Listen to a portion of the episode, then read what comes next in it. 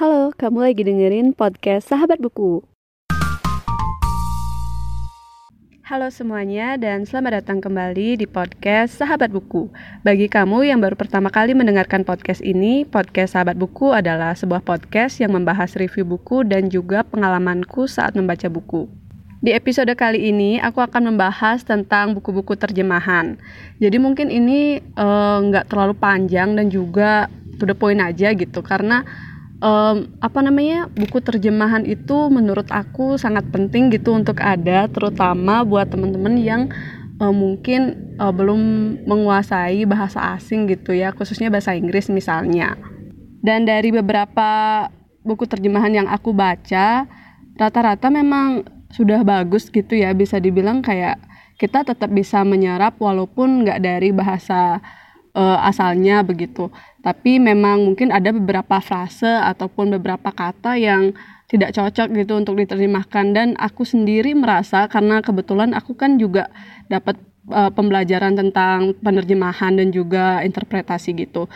Aku melihat bahwa terjemahan itu nggak nggak mungkin bisa dibilang kayak nggak segampang yang orang-orang pikir ya gitu. Ah sekedar ganti jadi Inggris ke Indonesia atau sebaliknya. Padahal di sana kita harus memikirkan uh, semacam apa ya bisa dibilang uh, kayak keserasian gitu antara kedua bahasa itu. Kalau di uh, misalnya dari Inggris ke Indonesia tuh harus uh, menyesuaikan juga dengan kayak budaya uh, bukan budaya sih lebih ke kayak uh, apa namanya semacam kalimat-kalimat yang biasa dipakai oleh orang Indonesia dan juga uh, sebaliknya gitu. Dan karena menurut aku menerjemahkan itu sesuatu yang cukup sulit, jadi mungkin aku bakal kurang setuju nih kalau ada teman-teman yang bilang mending uh, baca buku yang Inggris aja nggak usah baca terjemahnya karena terjemahnya jelek gitu.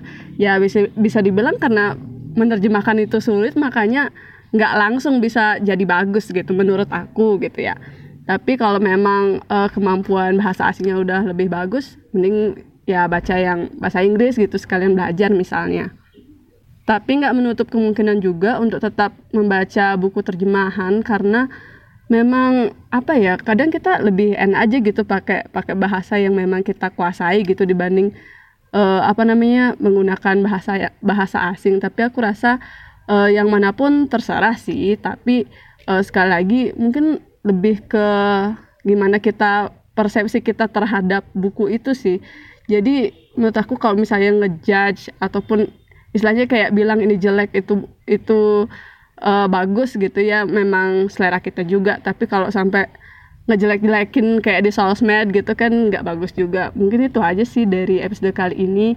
Intinya buku terjemahnya itu penting karena masih ada orang-orang yang mungkin tidak bisa um, apa namanya menggunakan bahasa asing di sisi lain juga uh, ini juga bisa menambah uh, ragam buku yang ada di Indonesia.